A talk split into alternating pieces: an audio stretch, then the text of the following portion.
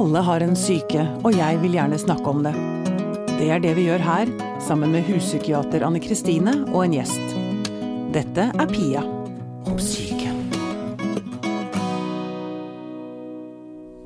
Jeg syns det er så rart, Anne Kristine. Um, vi snakker om så mye vondt her, men av en eller annen grunn så blir jeg ikke Jeg blir liksom ikke deprimert av det. Jeg føler meg trygg. Mm. Uh, det er nesten så jeg, jeg må si skammer meg litt over det. Vet du, det syns jeg ikke du skal gjøre. Nå kan ikke jeg bestemme om du skal skamme deg eller ikke, men jeg vil jo ikke si at det er noe grunn til det. Fordi at eh, det er jo litt av det vi ønsker å oppnå, å vise det at det går an å snakke om alt. Ja. Men jeg føler meg trygg også fordi det er, det er som om jeg føler meg litt mindre ensom. Mm. Fordi jeg har mine sår og min smerte, og så er det andre som også går og bærer på sine ting. Ja. Og når man Jeg tenker ofte på det når jeg sitter ute på, når jeg er ute og går, eller på trikken, eller sånn, så ser jeg på menneskene rundt meg, så det er jo ikke Man aner jo ikke hva de bærer på. Nei. Aner ikke hva de har opplevd. Um, man kan ikke se det på et annet menneske. Uh, sorgen eller smerten eller det de um, Ja, hva de har opplevd, hva de går og bærer på. Um, gjesten vår i dag, Torgeir Wittersjø Skanke, velkommen hit. Takk for det. Mm. Du eh, har Man kan ikke se det på deg heller. Man må lese boken din. Ja. Um, I Mikkels lys, en pappas fortelling. Mhm. Den har jeg lest. Den har jeg hulket meg gjennom. en veldig, veldig sterk fortelling. ja. Um, og jeg vet nesten ikke hvor jeg skal begynne. Um, du hadde en sønn, Mikkel, som ble 16 år. Mhm. Du levde med det at han altså Allerede da han var noen måneder gammel, så trodde du at han kom til å dø. ja. Mm. Jeg skal, har lyst til å høre litt mer om, om historien, eller gangen i historien, men aller først så lurer jeg på om du kan Eller aller først, velkommen hit. Takk Det glemte jeg å si. Tusen takk. Aller først så lurer jeg på om du kan fortelle meg om Mikkel. Om hvem den gutten var. Ja. Um, ja, det, det er jo et uh, På en måte et vanskelig spørsmål å få. Mm, det eller hvordan beskrive sine barn. Mm. Um, han uh, var Også fordi at vi fikk jo kjenne ham som to veldig forskjellige mennesker. Mm. Både det, det barnet han var, som kom til oss i starten, og den han blei etter hvert i livet sitt. Men i starten, da han var eh, Altså fram til han var 11, da, så han var en, en veldig markant personlighet. Som var veldig tydelig der han var. Um, han var uh, Han var på en måte veldig mye. Han var veldig glad, nysgjerrig, hvitebegjærlig eh, husker jeg. Uh, um, også mm, tydelig og sta.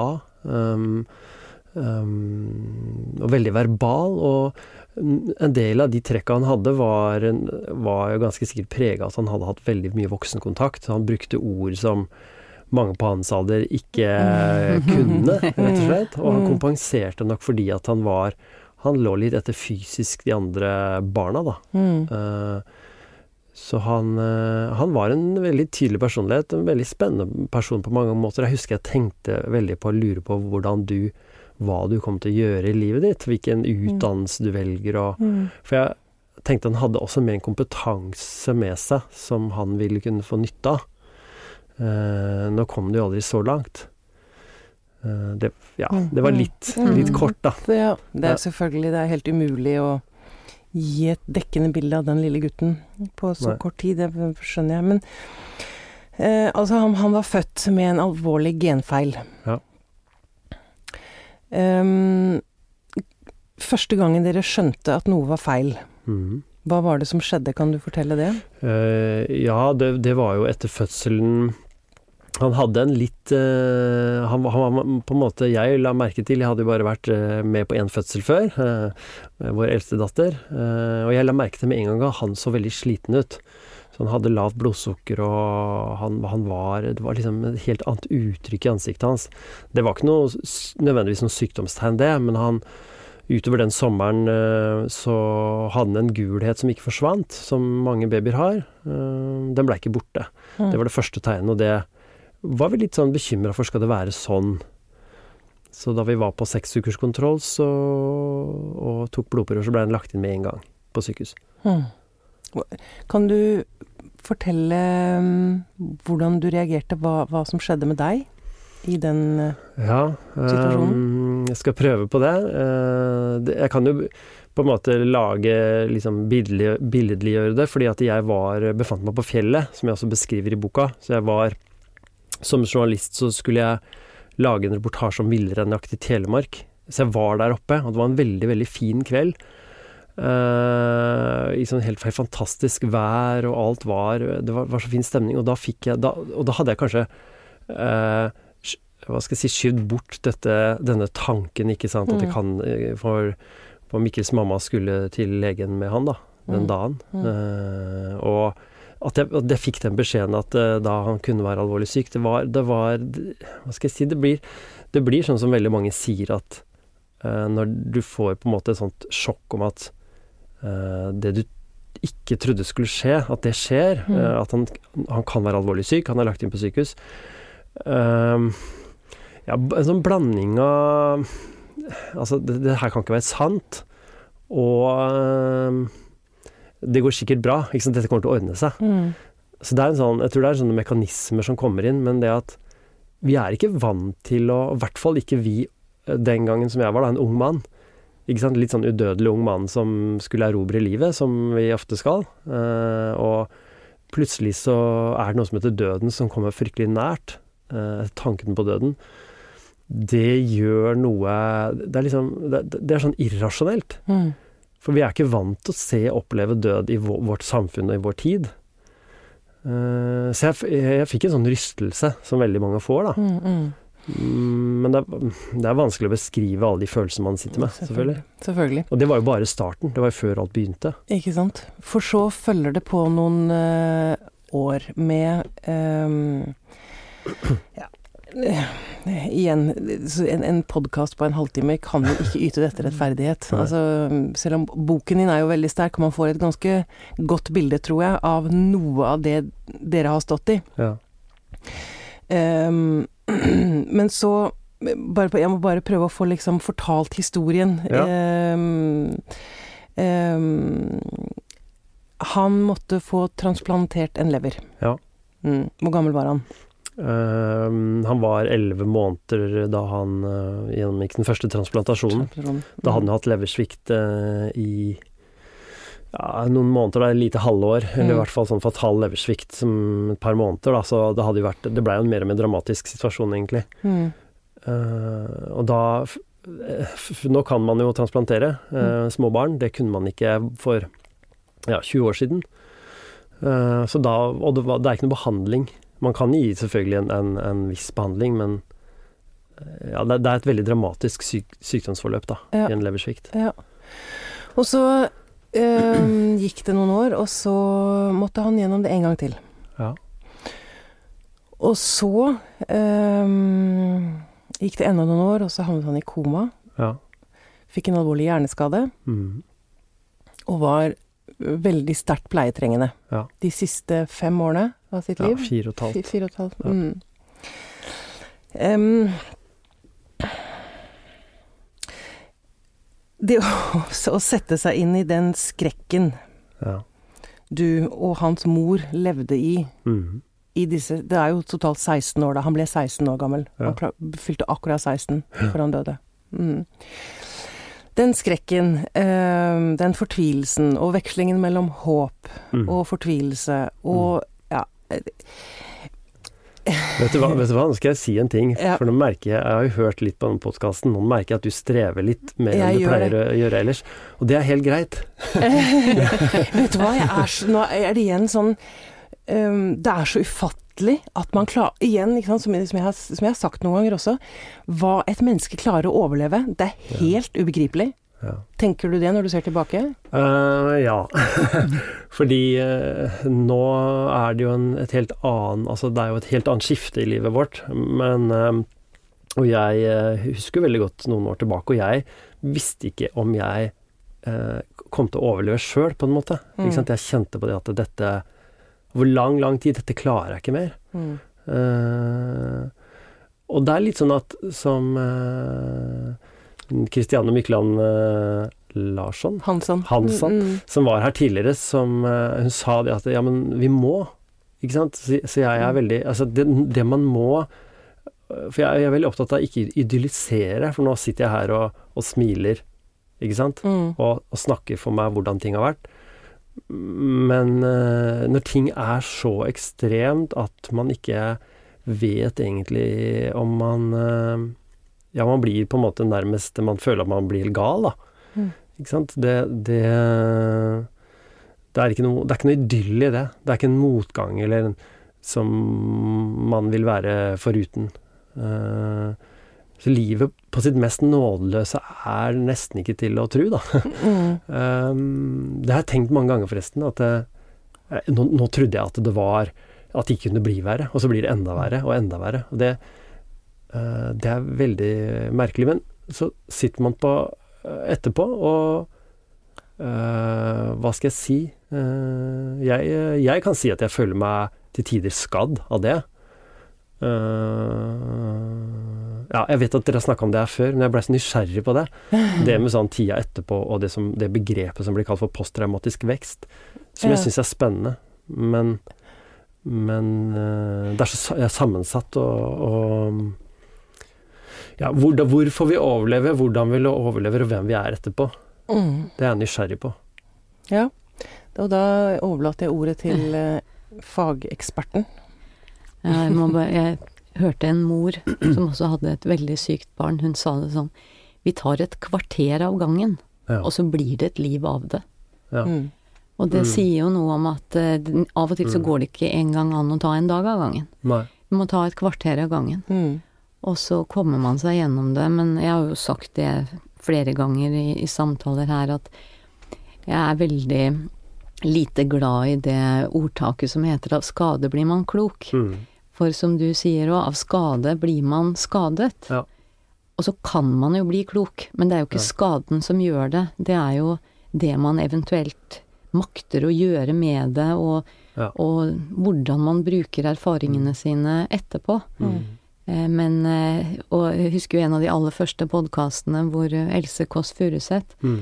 eh, som jo har opplevd både en mor og en bror som tok sitt eget liv, så sier hun det er jo erfaringer jeg skulle vært uten. Mm. Mm. Mm. Sånn at selv om hun har fått til mye, og at hun bruker sine erfaringer på en klok og varm måte, Mm. så er hun jo ikke i tvil om det. Mm. Eh, Sier jo det. Og det er jo, det er jo noe med det, ikke sant. Folk spør eh, sikkert deg også at eh, du har lært av dette, du har vokst av dette, er du et Mm. rikere menneske, er du Mm. Og så hva skal man svare på det? Mm. Ja. Ja. Men er, er det ikke Eller jeg Jeg vet jo at jeg ofte blir trukket, av, trukket mot mennesker som har opplevd noe. Ja. Altså, fordi det, det, det skaper en gjenklang Mm. i meg, da. Mm. Og altså, jeg tenker vel at som du da Du har, du har skrevet denne boken, og du, du reiser rundt med den, og du holder foredrag. Mm. Er det Altså, du må vel være en hjelp for mange andre som står i lignende ting, og det må Det gir, gir ikke det en slags Mm. Hva skal jeg si glede? Jo. Det er, det er veldig, veldig riktig. Jeg, eh, det er mange måter å reagere på. Jeg har alltid vært et menneske som har likt å formidle, og likt å fortelle, eh, sette ord på. eh, av natur eh, åpen. Um, og det har jeg, så jeg har hatt en sånn trang til å liksom fortelle og sette fokus på temaer som er relatert til, til sorg, til det å miste, spesielt det med å ha alvorlig syke barn. Men jeg merker jo en, merker veldig ofte en, en gjengklang. Jeg, jeg, har så mye fine møter for tida. Mm. Mennesker som kommer til meg, eller på foredrag eller andre arrangementer, eller bare tilfeldig. Og jeg blir veldig sånn eh, Det det er varm om hjerterøttene, litt sånn klisjéaktig. Men Mm. det er så fint, altså. For det- da får jeg sjanse til å snakke om For jeg er blitt uh, veldig dårlig på smalltalk etter hvert. Det skulle man tro man ble bedre så- etter hvert som man Det er jeg så glad for å høre. Eller det er jeg så enig i. jeg, jeg blir sånn allergisk da, Mm. mot det, uh, eller er blitt. Mm. Og, og det å gå rett på sak og snakke om liksom, Hei, hvordan har du det? liksom? Ikke bare Mm. hva jobber du med, men Mm. hva, hvordan har du det? Hva, hva ja, Hvem men, er du? Hva ja, mm. Jeg har nok alltid vært sånn, sånn men uh, nå får jeg liksom eh, nå, nå, nå er jeg jo der og har på en måte vrengt meg litt ut, og så kommer folk Senest i går, som jeg var um, Hender at folk spør om jeg kan signere bøker og sånn. Og, og folk åpner seg med en gang. Så, og så skjer det sånne fine møter som, som er Vi snakker om liv og død og det som egentlig er ja, liksom hvorfor vi mennesker er her, da. Sånne Ja, liksom filosofiske spørsmål. Dypt menneskelige. Og jeg kjenner det liksom om kvelden. Bare Fy søren, det var en fin dag. Da har jeg I forrige uke så holdt jeg, mm, sånn apropos det, et foredrag i en, eh, Brystkreftforeningen. eh, med brystkreftramma som har metastase, altså spredning. Mm. Eh, og jeg merka det med en gang jeg kom inn i rommet, selv om de For dem så handla det om deres egen sykdom. Og for meg så handla det om mitt syke barn, og barnet hadde mista, men vi hadde så mye felles. Og det, og det er en sånn ting som jeg veldig ofte eh, ender opp på, at det gir meg mening. Det, Mm. det, er sånn, det er så meningsfylt. Det, Mm. for jeg har strevd hele den tida her med hva er meninga? Hva er meninga med mitt liv? Hvorfor, hvorfor skal vi gjennomgå dette her? Og det eneste jeg kommer ikke sant, Det eneste jeg har Det, lille svaret jeg har får, på en måte, er at det, eh, jeg ble enda mer ute etter å finne en, en slags mening. Mm. Og mange år så så jeg ikke noe mening. Mm. Men nå etterpå så er det sånn Da blir det sånn, sånn, sånn magnet mot det som er meningsfylt. Litt sånn smukk, ikke sant. Hvis, Mm. Med litteratur, kunst, eh, natur, mellommenneskelige ting. Det betyr utrolig mye for meg nå. Og det er veldig sånn nådeløst på jakt etter mening, da. Mm. Og, det, og, og de men, når de meningsfulle øyeblikkene oppstår, så er det sånn Ja, da Nå lever jeg. Nå lever jeg. Da er jeg, da er jeg i Mm. live. Ja, da er jeg i live. Ja. Mm. Mm. Um, men jeg har lyst til å også snakke litt uh, med deg om em, altså noe som er vondt oppi dette, ikke sant. For du, du sier at altså, dere elsket jo selvfølgelig gutten, men dere elsket ikke sykdommen. Ja. Um, da, dette med at det er ikke en gave å få et sykt barn. Mm. Det er en veldig, veldig vond og skjør og vanskelig ting å snakke om. Ja. Men som vi sier, vi er jo her for å snakke om ting. Ja. Mm. Um, nå når du har fått det Nå er det halvannet år siden han døde. Ja. Um, du har fått det litt på avstand. Mm. Tenker du Har, har tankene dine rundt dette endret seg? Tankene eller Du tenker på det temaet om det er en Mm, gave mm. å få et alvorlig sykt Mm. barn? Um, nei. Oh. Det er, unnskyld, det er et um, tema som har opptatt meg hele tida. Uh, fordi uh, altså, jeg liker å snakke om vanskelige ting, for å si det enkelt. Mm. Og det er et, et litt tabubelagt tema som lett kan bli forenkla i en offentlig debatt. Uh, og det går på Da kommer vi inn på sånne, sånne begreper som sorteringssamfunn og sånne ting Mm. som jeg opplever er unyansert. Man er Enten så er du for livet, eller så er du mot livet. Mm. Og det er ofte med, med politisk ståsted å gjøre, og det har jo egne, egne relasjoner å gjøre.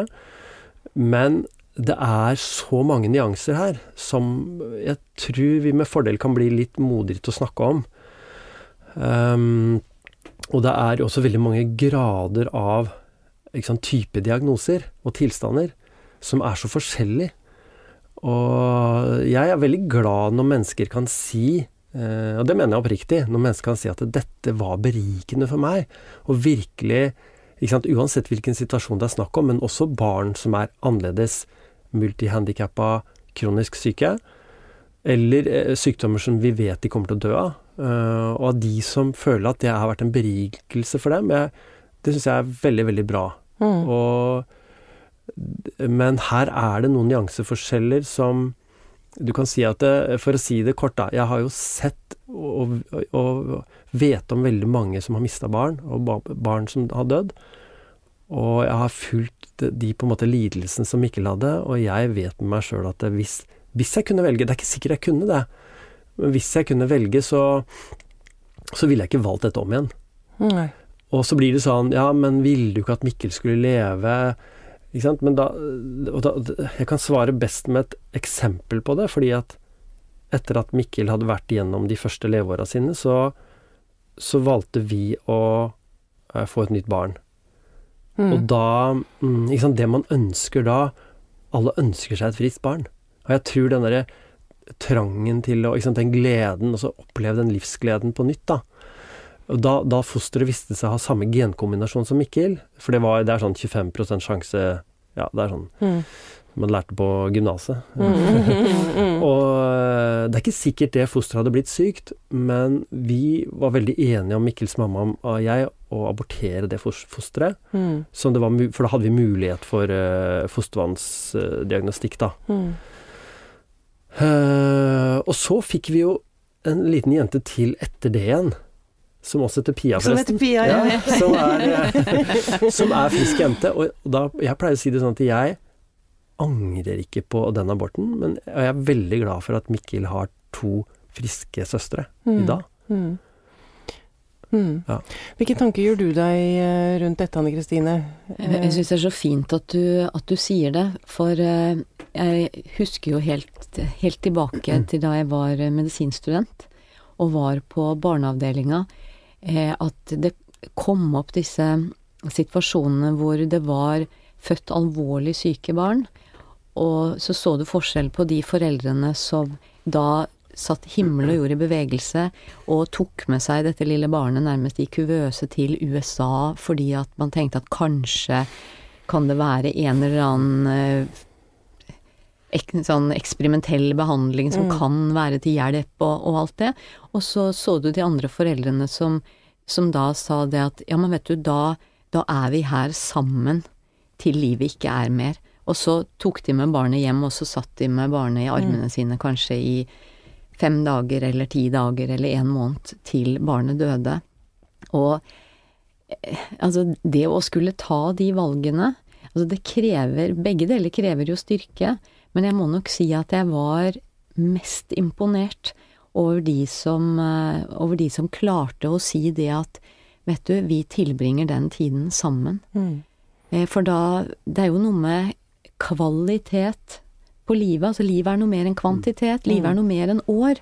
Og jeg tenker det lille barnet som kanskje levde to uker i armene til foreldrene sine, fred hadde et godt liv i to uker. Mm. Mens det barnet som ble transportert rundt eh, hele verden i en kuvøse, hvor godt var det livet? Mm. Men det er, det er veldig vanskelig å frykt- snakke om det, fordi at eh, i hvert fall jeg merker at jeg blir så redd for å skal si noe som virker fordømmende Mm. på de som velger noe annet. Mm. Mm. Men samtidig så er jeg veldig enig med deg at vi, vi må tørre å snakke om det. Mm. Mm. Mm.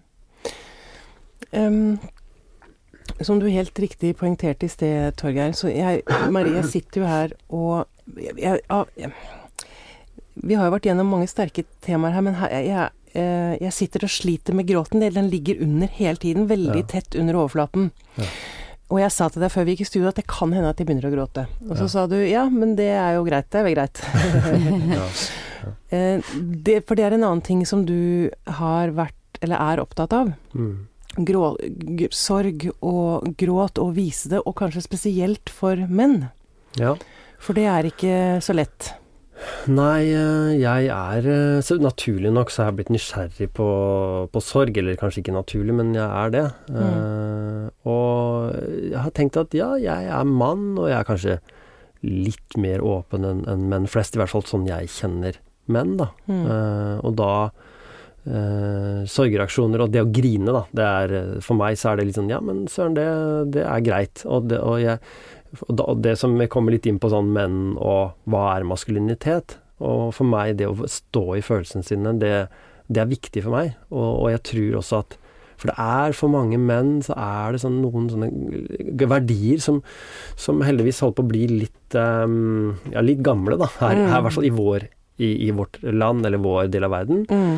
Eh, noen sånne verdier som at å vise følelser er synonymt med svakhet. Det, men fremdeles er det mange som, som sliter med det, for de har eh, Jeg vet ikke helt, det er liksom litt innprenta at det, det å vise følelser er litt sånn Da, da er du svak. Og det var jo sånn i det gamle eh, hva skal jeg si, far-sønn-samfunnet, ikke sant, som Mm. menn jobba vesentlig med kanskje fysisk arbeid eh, på, på gården eller fabrikken.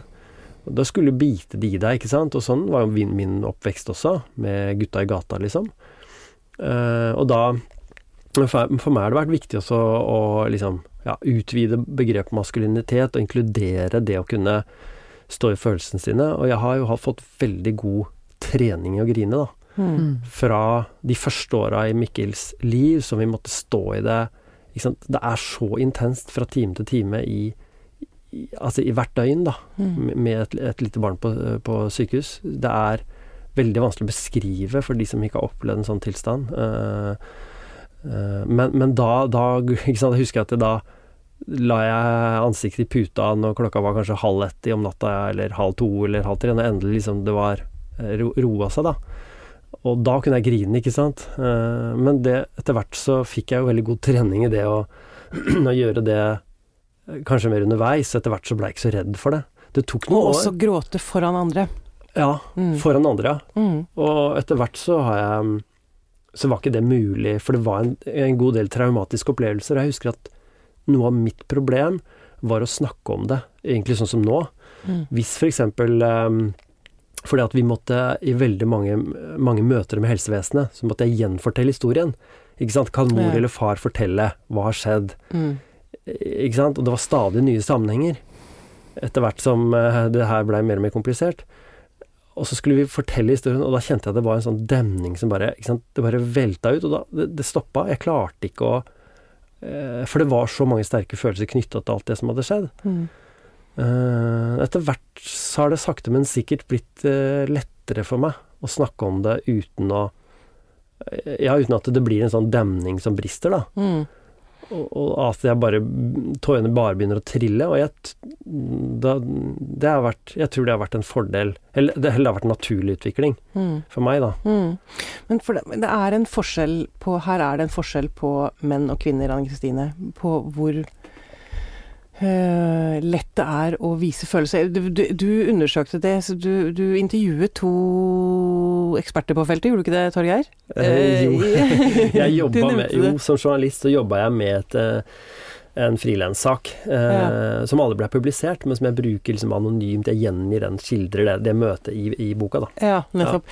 For der, han, han sier noe der om at menn kan ofte vise Altså skjuler Hva var det? Fortvilelsen i aggresjon. Mm. Eh, Noe sånt noe Eller at det kommer ut som, som raseri. Ja, ja.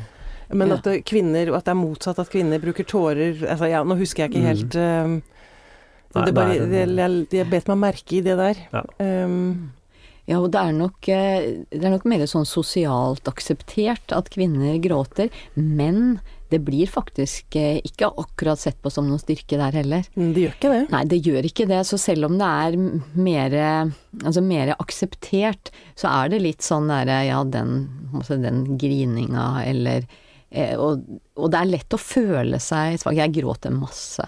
Mm, jeg og har eh, noen ganger, det er noen år siden, men grått i sånne sammenhenger hvor jeg veldig gjerne ikke ville gråte. Mm, Og, og det er ikke noen god følelse når, når man blir overvelda av gråten.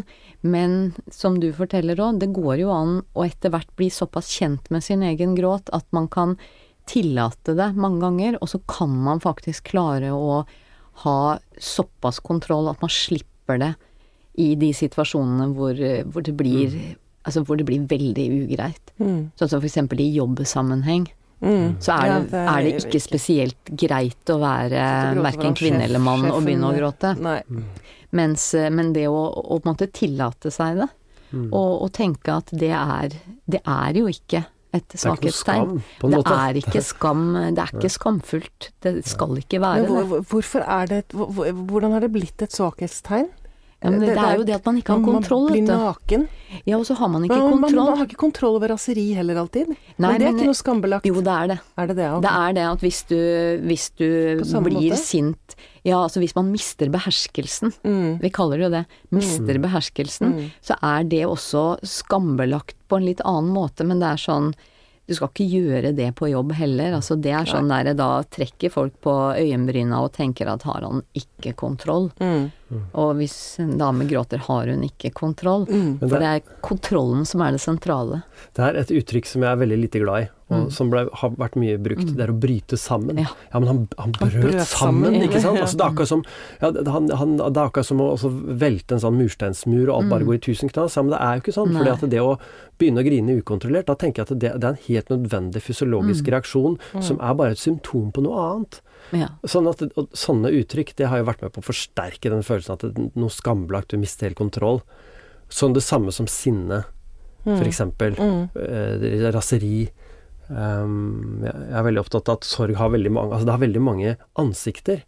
Og, og der, der ingenting egentlig passer inn i en mal. Altså det er så forskjellig. Mm. Og, og sinne eh, er en helt naturlig sorgreaksjon som jeg tenker at eh, folk i helsevesenet f.eks. bør vite om. Altså det, det er veldig lett Jeg har aldri vært så sinna noen gang som i løpet av den perioden Mikkel var eh, alvorlig syk. Nei. Eh, Og, du, og det kom ut også? Ja, det, det, det handler jo mest om den eh, hva skal jeg si, eh, konflikten vi hadde med det offentlige, da, med Nav spesielt, som jeg Mm. har fortalt litt om før også. Mm. eh, som jeg forteller om i boka. Men nå, hvis du føler Altså, det som skjer, at, eller som skjedde for vår del, når du ikke sant, i, I forhold til fare for å miste et barn, du får et enormt sånn forsvarsinstinkt. Men det er også andre situasjoner som jeg tror det er veldig liksom, naturlig å bli sinna. Mm. Det er mange, ikke sant, og mange andre følelser som blander seg med sorg, sånn som anger, f.eks. Tenker man de som sliter med komplisert sorg etter et tap, da Hvis man ikke har fått eh, Altså, det, hva skjedde som kanskje du, ba, bare du vet om, mellom Mm. deg og den som er avdød, Mm. eller ikke skjedde, eller ikke fikk sagt, eller Det skal veldig lite til før vi angrer. Mm. Og det tror jeg man kan gå og slite med lenge, lenge, lenge etterpå. Og kanskje uten å få sagt det til noen, eller føle for å si det til noen etterpå. Mm. For det er, er noe du kanskje skammer deg over. Mm. Eh, så det, er- det er mange sånne komponenter av sorg som vi egentlig kan bli litt flinkere til å liksom nøste opp. Mm. For det er så, det er så naturlig. Mm. Mm. Ja, jeg- nå sitter jeg og tenker Jeg sliter veldig med at jeg ikke var på sykehuset da pappa døde. Mm. Det er sånn, og igjen, jeg begynner å gråte tvert når jeg tenker, tenker på det. Ja. Um, og, og det er ehm, Som du sier et, Igjen, det er en god ting å tillate seg selv å si det. Mm. og slippe det ut. Mm. eh, Mm. og at det blir tatt imot av noen som altså for, Mm. Vi, vi kan jo ikke kontrollere dette livet, ikke sant? Mm. Og, og vi sitter ofte i situasjoner som gjør altså, Det er helt umulig. Og, Mm. Og, så, så er det noe med det at man skal være så perfekt, man skal takle alt så fint, og man skal Mm. være klok, og man skal være st sånn sterk. Ja. Ja. og så er jo akkurat dette med å Altså jeg syns svak blir så feil ord Mm. også. Også å slippe Mm. det til. Mm. Dette er jo, ikke sant, som, som du som vi snakket om i sted, dette dypt menneskelige det er å føle. Mm. Sterke, sterke følelser. Ja. Det er jo det som skaper livet, på en eller annen måte. Jeg følger deg veldig Mm. på det. Det er eh, Og jeg tror med fordel vi kan føle mer, ta innover oss følelsene mer. Mm. Og det behøver ikke være svakhet, på en måte. Fordi vi er fulle av følelser. Jeg vil heller si motsatt. Jeg mener Ja. det er mot. Det er akkurat som du nevnte i sted, unnskyld at jeg avbrøt deg nå, men disse foreldrene som sitter med barnet sitt i armene i dager eller timer eller uker. Altså, jeg kan ikke tenke meg noe modigere enn å Mm. forholde seg til de følelsene som er der og da. Mm. Mm. Jeg er veldig, vi snakker jo litt her også om uh, den siste fasen av livet, som også, jeg også er nysgjerrig på, eller jeg, har- jeg har jo opplevd det. Uh, Mm. mange, mange nest, veldig mange nesten-situasjoner, nesten død, Mm. som var, om jeg kan si det, mye verre egentlig enn enn da Mikkel faktisk døde. Ja. Eh, For, det, for den frykten og det enorme adrenalinet, altså den, den, det er så Det er som å være i kamp med en bjørn, ikke sant. Det er så voldsomt, eh, og det Og så blei det ikke likevel, og så skal du avreagere etterpå. Altså, og det er, det er, altså det er Disse situasjonene, det er nesten ubeskrivelig, altså. Og, og Men da han døde, da da visste vi jo det Det skjedde litt fortere enn vi trodde, men eh, det, er, det er en Altså, ja, det er også veldig vanskelig å finne ord på dette her. Å beskrive det at et menneske skal dø, eller hvis det er barnet ditt. Uh, og det er selvfølgelig veldig mange opplevelser av forskjellige opplevelser der også. Men uh,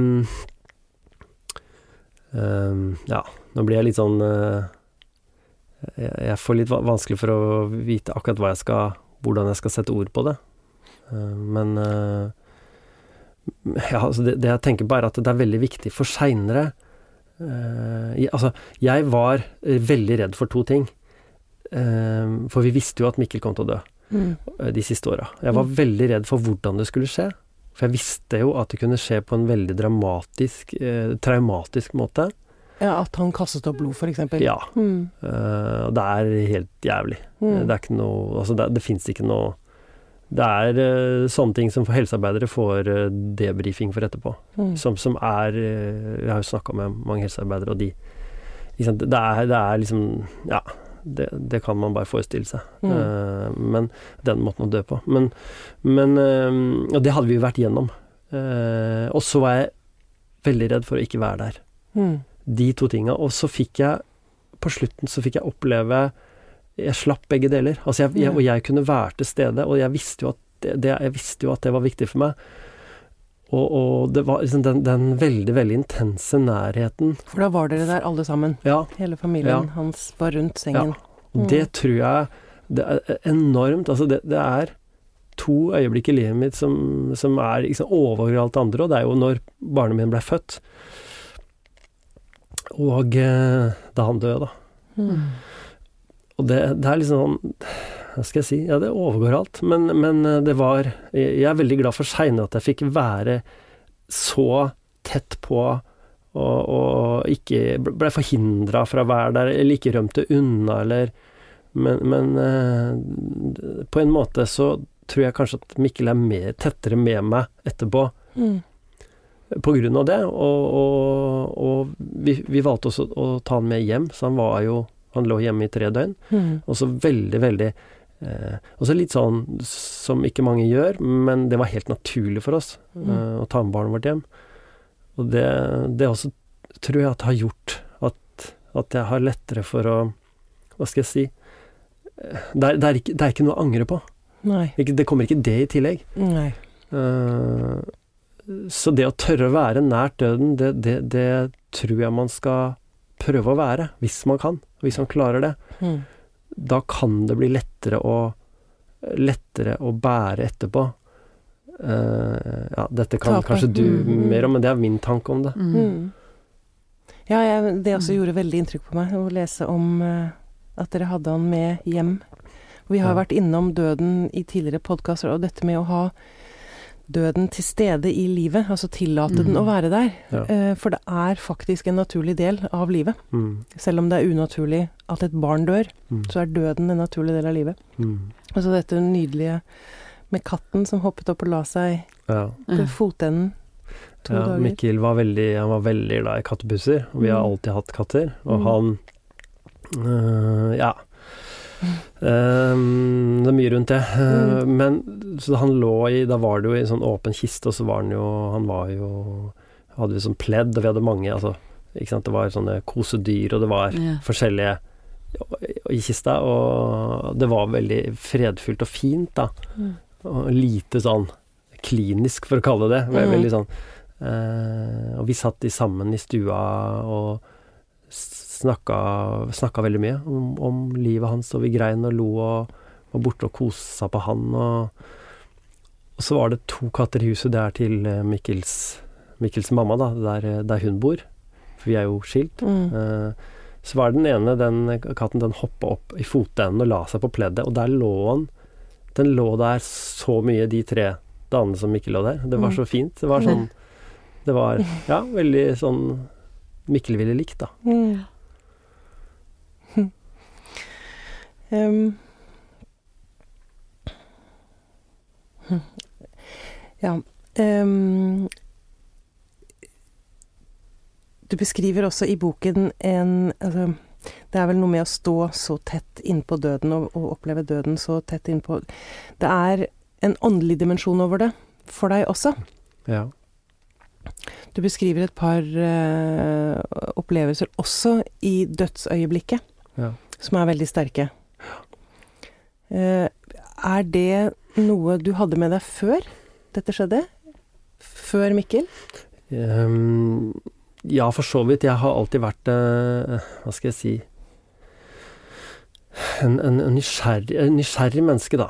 Mm. Uh, og så har jeg hatt en del opplevelser i livet mitt som har gjort at jeg hva skal jeg si, jeg har vel alltid følt at det har vært en sånn spirituell dimensjon i tilværelsen, uten at jeg kan sette ord på det så godt, eller forklare det, eller at jeg tilhører noen trosretning, eller øh, det, det, er ikke det, og det, det, er viktig for meg å si, fordi at jeg øh, I dag så er man gjerne sant, Man er veldig sånn sekulær, sant, man er Mm. veldig religiøs, eller såkalt nyreligiøs. Det er mange sånne retninger, og man, man blir liksom kategorisert sånn eller sånn, men jeg er eh, jeg, jeg liker sjøl å, å, å kalle meg for kritisk og åpen. Altså både kritisk til det jeg Til andres sannheter, ikke sant? Mm. til vedtatte sannheter.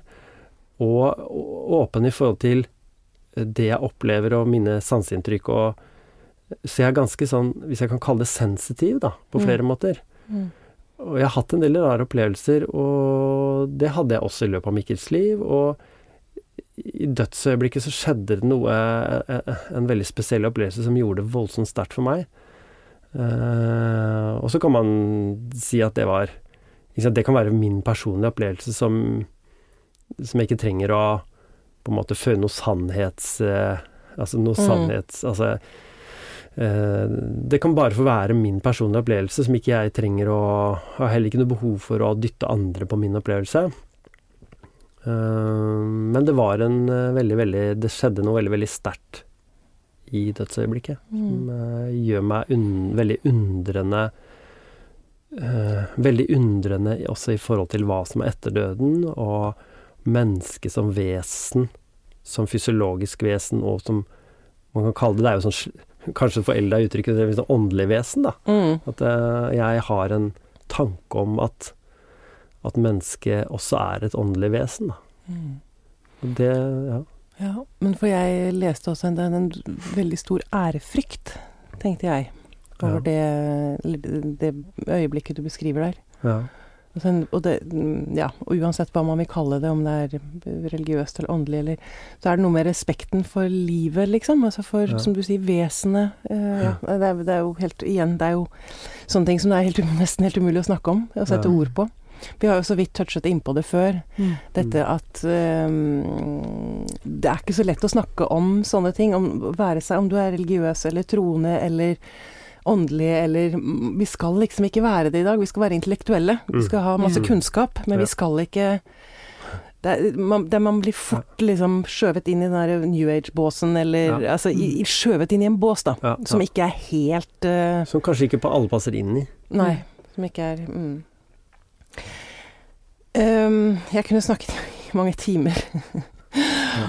um, vi er allerede jeg håper å si, litt på overtid i forhold til lengden på episodene våre. Mm. Er det noe noen av dere har lyst til å si rent sånn helt sånn avslutningsvis om noe? Ja, det var et- fint, et fint avslutningsspørsmål. eh, Ja. Nå skal vi ikke sant, nå prøver jeg å finne en sånn fin avrunding, men det er som å prøve å ta liksom hele universet ned til en sånn siste genial setning Ja. som sums it up. Det er jo, jeg jeg syns at det er veldig fint å sitte og snakke som vi gjør nå. Og jeg Mm. tror at alle mennesker altså, som har Det er veldig mange mennesker som har en sorg i livet sitt. Og så er det mange mennesker som har fine opplevelser i livet sitt. Og det å liksom utkrystallisere seg hva er det viktigste livet, eller hva er det største livet, eller eh, Jeg syns det er en veldig Man må ikke nødvendigvis komme til noen konklusjon. Nei, det er akkurat det. Og det tenker jeg det er faktisk sant. Og det tenker jeg ofte med disse podkastene. Vi har jo aldri noen svar. Nei. Men Bare jeg mange, mange spørsmål. Veldig mange, mange spørsmål. Og, Mm. men òg, for det har jeg også tenkt litt på dette rommet som oppstår med Altså det, det som er mellom oss tre fordi vi har hatt denne samtalen, det er jo også for meg veldig mye av selve livet. Ja. Ikke sant? Mm. Um, og som du sier, at det er ikke noe, man trenger ikke å ha noen svar, men, men undringen Mm. er verdifull i seg selv. Mm. Det, det er jo en ting uh, som, som jeg legger merke til som er Altså, vi lever jo i en verden som har veldig mange svar. Mm. Som, som eh, både ikke sant, ideologi, religioner, ulike ståsteder, personligheter. Alle har på en måte mer eller mindre en sannhet å servere. En fasitsvar. Ja, men dette er Sånn er det. Ja, men det er sånn. Ja, men Mm. det er ikke sånn. Og vi er veldig opptatt av å slå fast vår e egen sannhet, da, og bekrefte vår egen sannhet. Mm. Men hva, på en måte, jeg er veldig opptatt av at ja, men verden og mangfoldet Det kan være mange sannheter. Og sannheten er på en måte levende og foranderlig hele tida, og du har din sannhet, og det er greit. Og jeg har min sannhet. Og det tror jeg ville gjort verden til et bedre sted, hvis vi var Mm. flinkere til å Apropos disse tinga vi snakka om nå, da. Flinkere til å akseptere at mennesker kan ha eh, forskjellige sannheter uten å måtte eh, slå inn en siste, en siste nagle i en, eh, hva skal jeg si under svaret. ja, Mm, eller de tre strekene. Ja, vi Mm. må ikke nødvendigvis ende med to streker. Nei. Det kan få lov til å stå litt åpent at det er en X-faktor, Mm. eh, alt sammen. For det er jo, sånn er jo livet på alle måter. Mm. Så herved så etterlater vi oss et åpent rom, så kan eh, lytterne der ute sitte og tenke videre, eller snakke videre, om de har lyst til det. Torgeir Wittersjø Skanke, tusen takk for at du kom til oss. Hjertelig takk.